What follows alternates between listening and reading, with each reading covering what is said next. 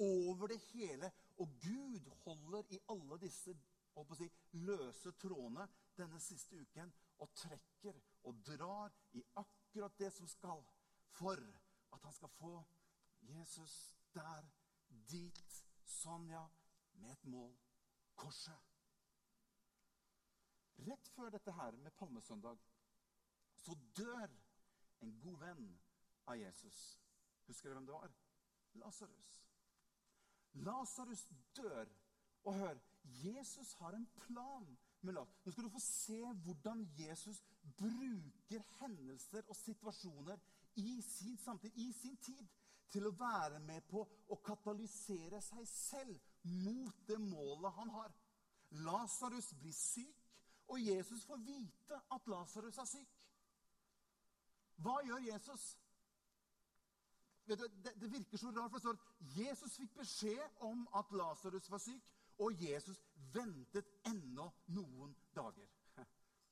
Du skulle jo tro det at når Jesus fikk beskjed om at Lasarus, en god kamerat, var syk, at han ville komme med en gang. Men Jesus gjør ikke det. Han venter. Og vet du hva Jesus gjør? Han venter til Lasarus dør. For Lasarus sin død vil være en av de viktigste katalysatorer for å få Jesus i posisjon for å bli korsfestet. Hva er det som skjer? Jesus kommer til det stedet. Lasarus dør, og Jesus kommer til det stedet hvor Lasarus ligger. Han har lagt i graven i fire dager, og så kommer Jesus. Og folk hadde kommet. Du, hvis noen er syk, så kommer det ikke så veldig mye folk. Men hvis, hvis folk dør, da er det litt da, det, det, skaper nysgjerrighet. Folk hadde samlet seg sammen. Det gikk til og med rykter om at Jesus var på vei dit også. Og ikke bare vanlige folk hadde samlet seg. Prestene hadde kommet dit. Og så kommer Jesus midt oppi det. Han lar Lasarus dø. For Jesus har en taktikk. Jesus har en plan med det hele. Når Jesus kommer dit, så ber Jesus dem rull vekk steinen som ligger foran graven hans. Og Jesus roper ut, 'Lasarus, kom ut!' Og Lasarus står opp fra de døde og står levende foran dem. Alle sammen ser hva som skjer. Og hør, på denne måten så øker Jesus sin offentlige Hva skal vi si? Han viser offentlig en helt annet nivå av makt og kraft som folk ikke hadde sett før. Og hva er det som skjer? Det, jo, det, det tar jo helt av. Det, det, bare, bare braker løs. Du kan tenke deg selv hva som skjer når folket står og ser dette skje. Men Jesus har en plan med det. Folket er jo begeistret. Men det er noen som ikke er så begeistret for dette her. Og det er jo kjerka. Det er jo folket i kjerka. Dem er ikke så begeistra for det som skjer. Prestene begynner å se en helt annen side ved Jesus. De sier, 'Slik makt har vi ikke sett før.' Er han så mektig? Så Kaifas, som er øverste prest i Israel, han kaller prestene inn til et møte rett etter dette har skjedd. Nå skal du få lov til å se, for det som skjer nå, det er at korset, ifra å være et sted hvor du blir henrettet, plutselig begynner korset å snu fokus, slik at det går fra å være et henrettelsens sted til å bli et offersted. Og Kaifas inviterer alle prestene, og de kommer sammen. Og Kaifas begynner å snakke med gutta og sier hvis han, Jesus, hvis han fortsetter sånn som han gjør nå, så vil hele verden følge han. Så sier Kaifas, vi vil få et problem. Romerne vil komme og ta oss. Det vil bli slutt på oss som nasjon, og det vil bli slutt på oss som et folk. Vi er nødt til å fjerne Jesus. Vi må stoppe denne mannen. Ser du hva som skjer? Kaifas, som er øverste prest i Israel, er den eneste som har mulighet og er autorisert til å ofre et offer. Plutselig begynner han å se på Jesus som et offer. Se hva Kaifas sier. Jeg tror vi har det på et, et, et bibelvers her. Det er helt utrolig at Kaifas sier det. Se hva Kaifas Det er bedre for oss, sier Kaifas. Dette er ypperstepresten som uttaler disse ord ut ifra sin munn. Det er bedre for oss at ett menneske dør for folket, enn at hele folket går til grunne. Hva er det som skjer? Jesus blir plutselig sett på som noe som må fjernes. Jeg tror ikke Kaifas jeg tror ikke han skjønner engang hva han sier for noe. Men korset byttes ifra å være et sted hvor man blir henrettet, til at han blir ofret. Og Kaifas, som er den eneste som kan autorisere Jesus som et offer, begynner plutselig å uttale det er bedre at én dør for alle, enn at alle vi andre skal dø.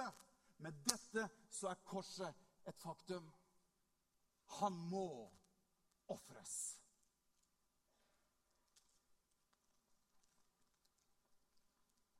Halleluja.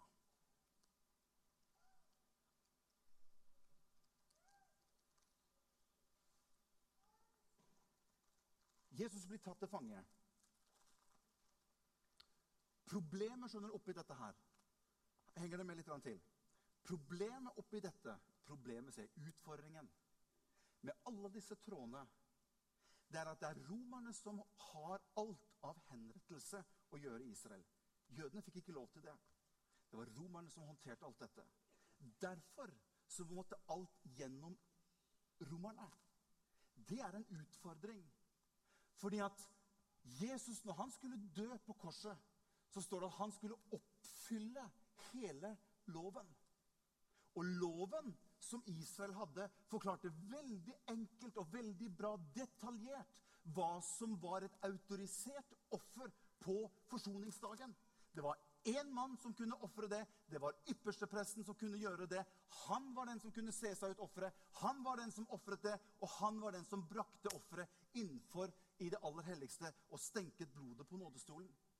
Hvordan skal Gud gjøre disse tingene? For de måtte igjennom romernes system for å få tatt Jesus. Se hva som står i, i, i Når de tar, tar, Jesus til fange, så går vi til, til uh, Johannes kapittel 18 vers 24. Dette er spennende. Jeg syns det er spennende å se hvordan disse tingene eh, henger sammen. Skjønner du nå litt hvorfor Blasarus dør? Det er med på å katalysere Jesus inn i det sporet som han måtte komme på for å nå målet sitt. Jeg skal se videre her. Johannes kapittel 18 vers 24. De hadde tatt Jesus til fange i, i, i Getsemane hage. De fører Jesus til Anna, som er svigerfar til Kaifas, som også er en av øversteprestene. Men Kaifas er hovedypperstepresten, eller øverstepresten i Israel. Og så står det fra vers 24, eh, ja, 24 Da sendte Annas ham bundet til øverstepresten Kaifas. Bare at det står ordet 'bundet'. Vet du hva det betyr?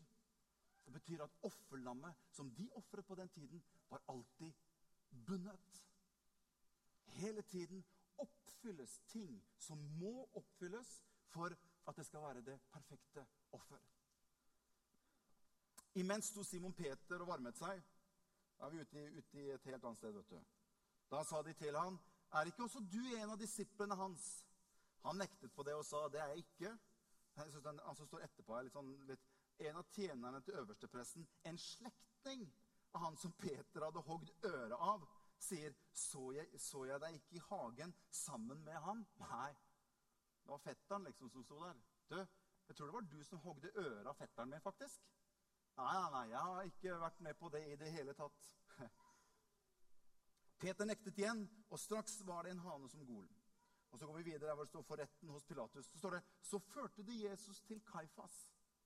Til, nei, så førte de Jesus fra Kaifas til landshøvdingens borg.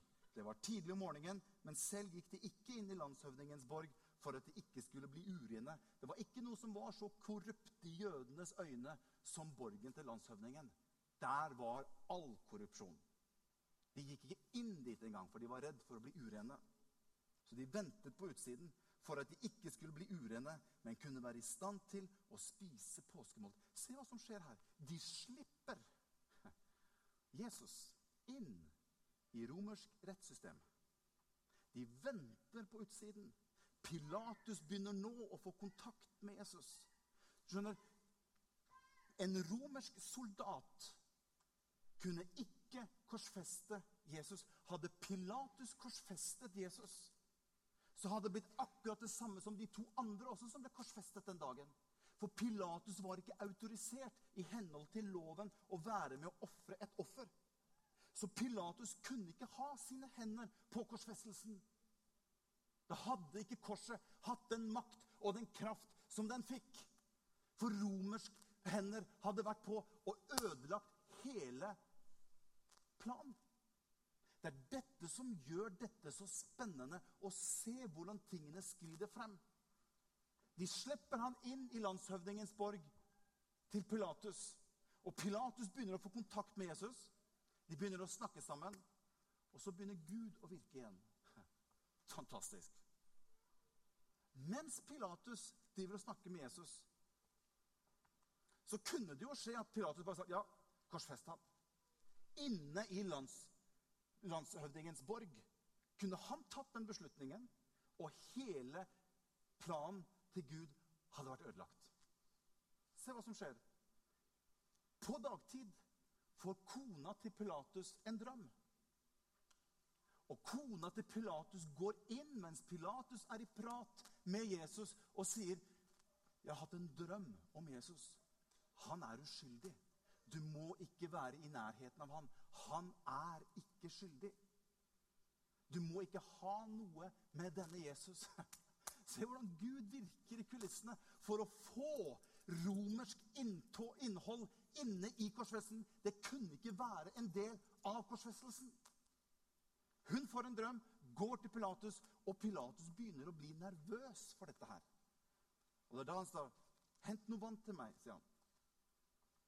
Og her er også fantastisk. Så tar Pilatus vann.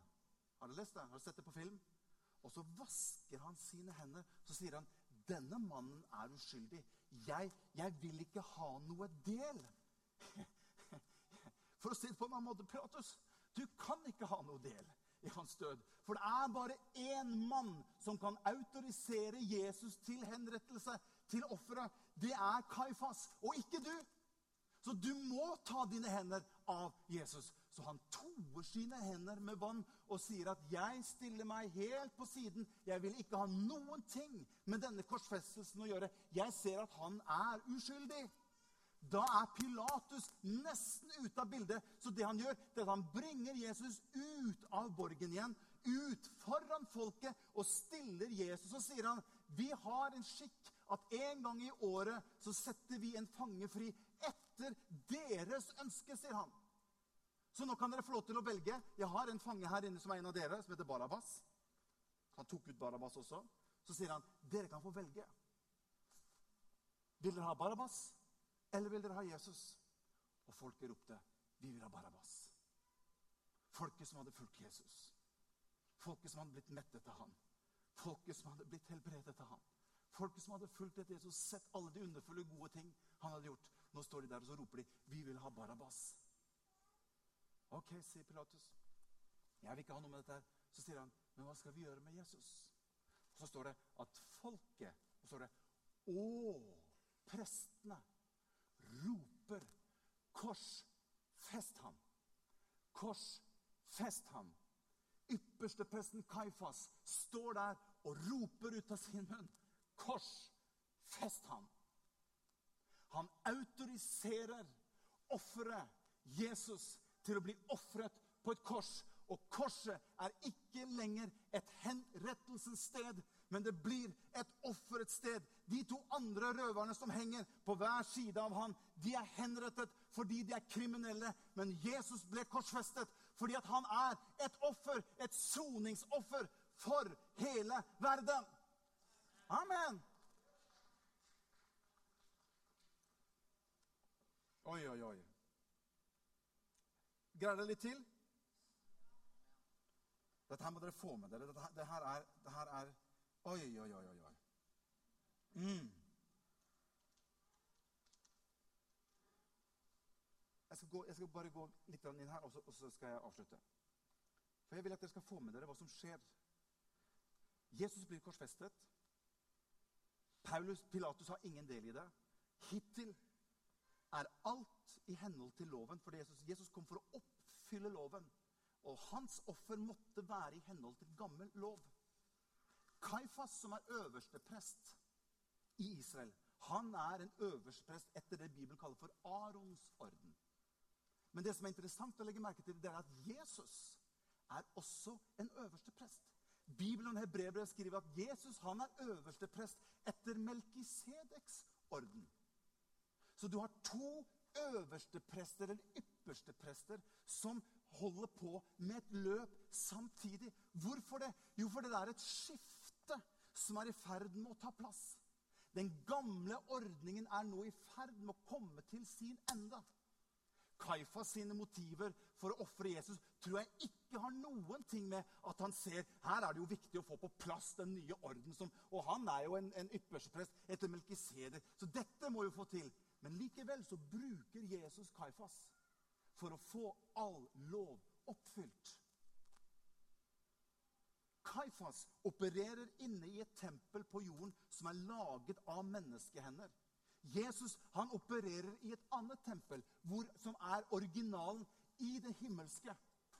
Kaifas han ofrer et lam som han selv plukker ut, og som dør på vegne av ham. Men det som skjer i den nye ordningen, det er at Jesus selv går inn i sin ypperste prestlige tjeneste og er både ypperste prest og offer samtidig.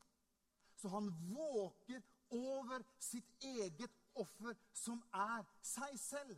For hør, se hva som skjer. Når Jesus henger på Golgata kors, så foregår det samtidig den siste offertjeneste inne i det gamle tempelet, hvor Kaifas gjør sin offerhandling.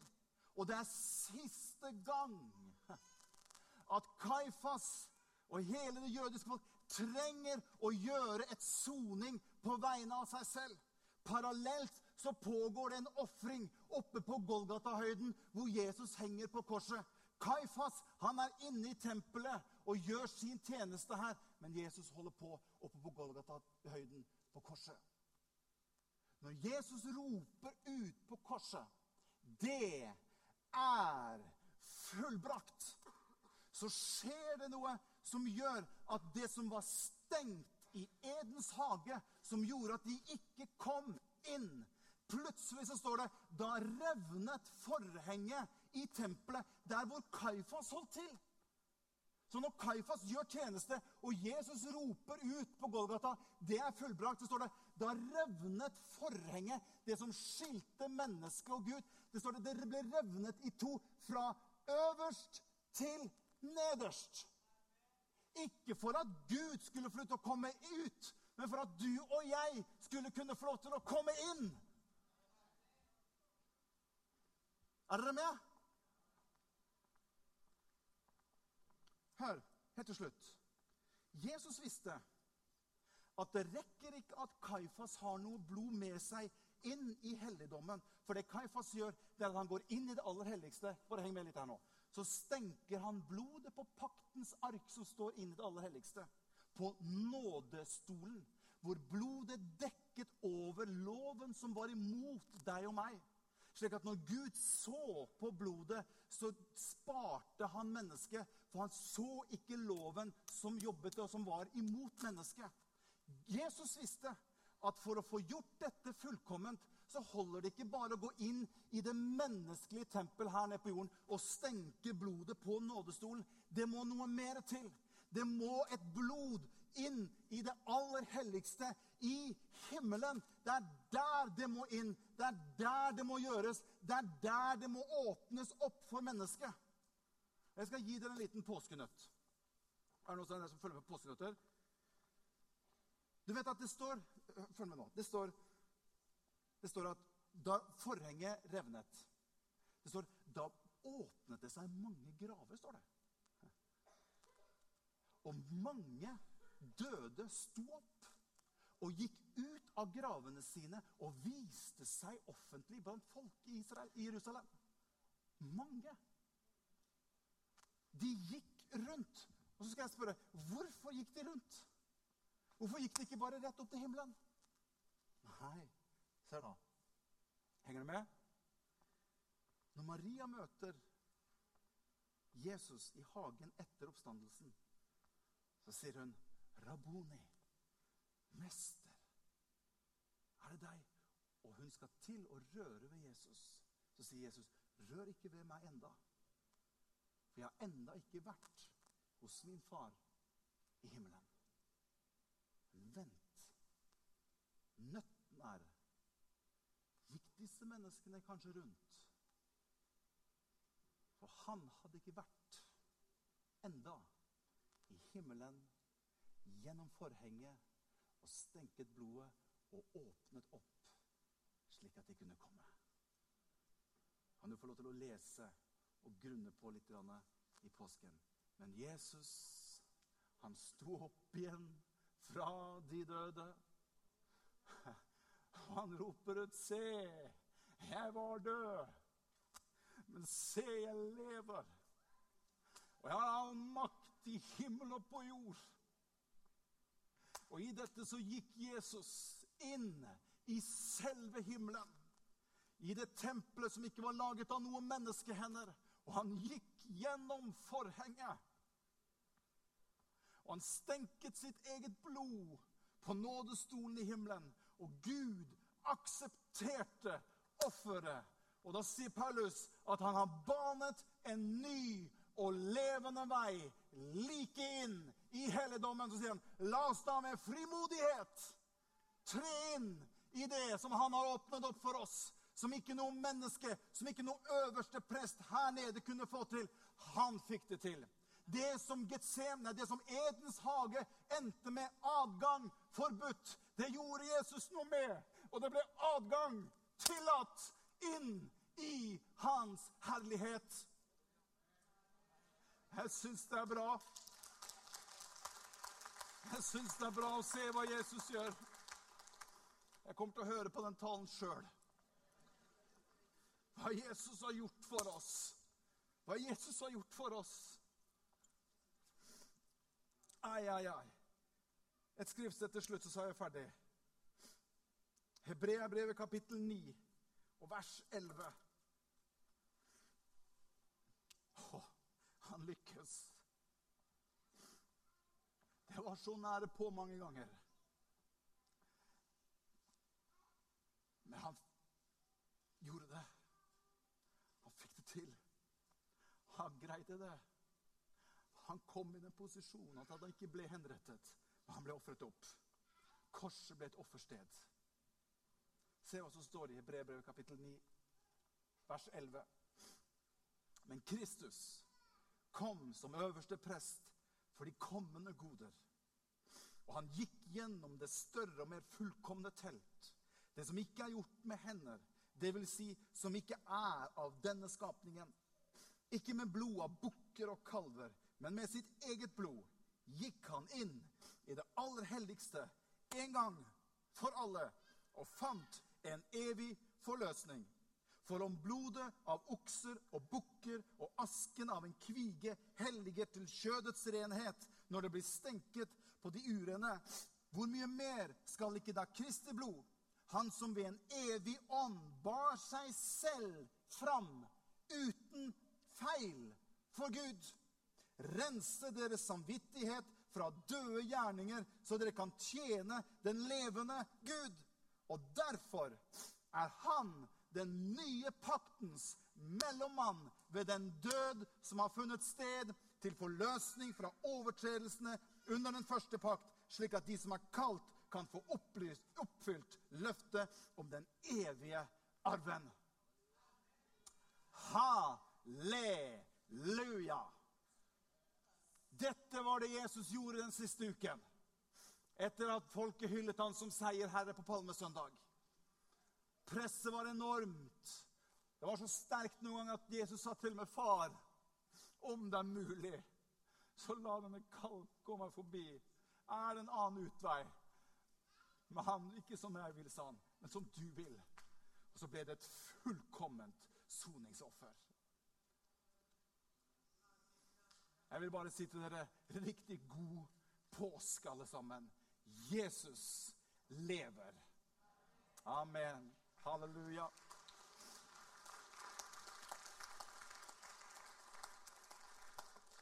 Halleluja.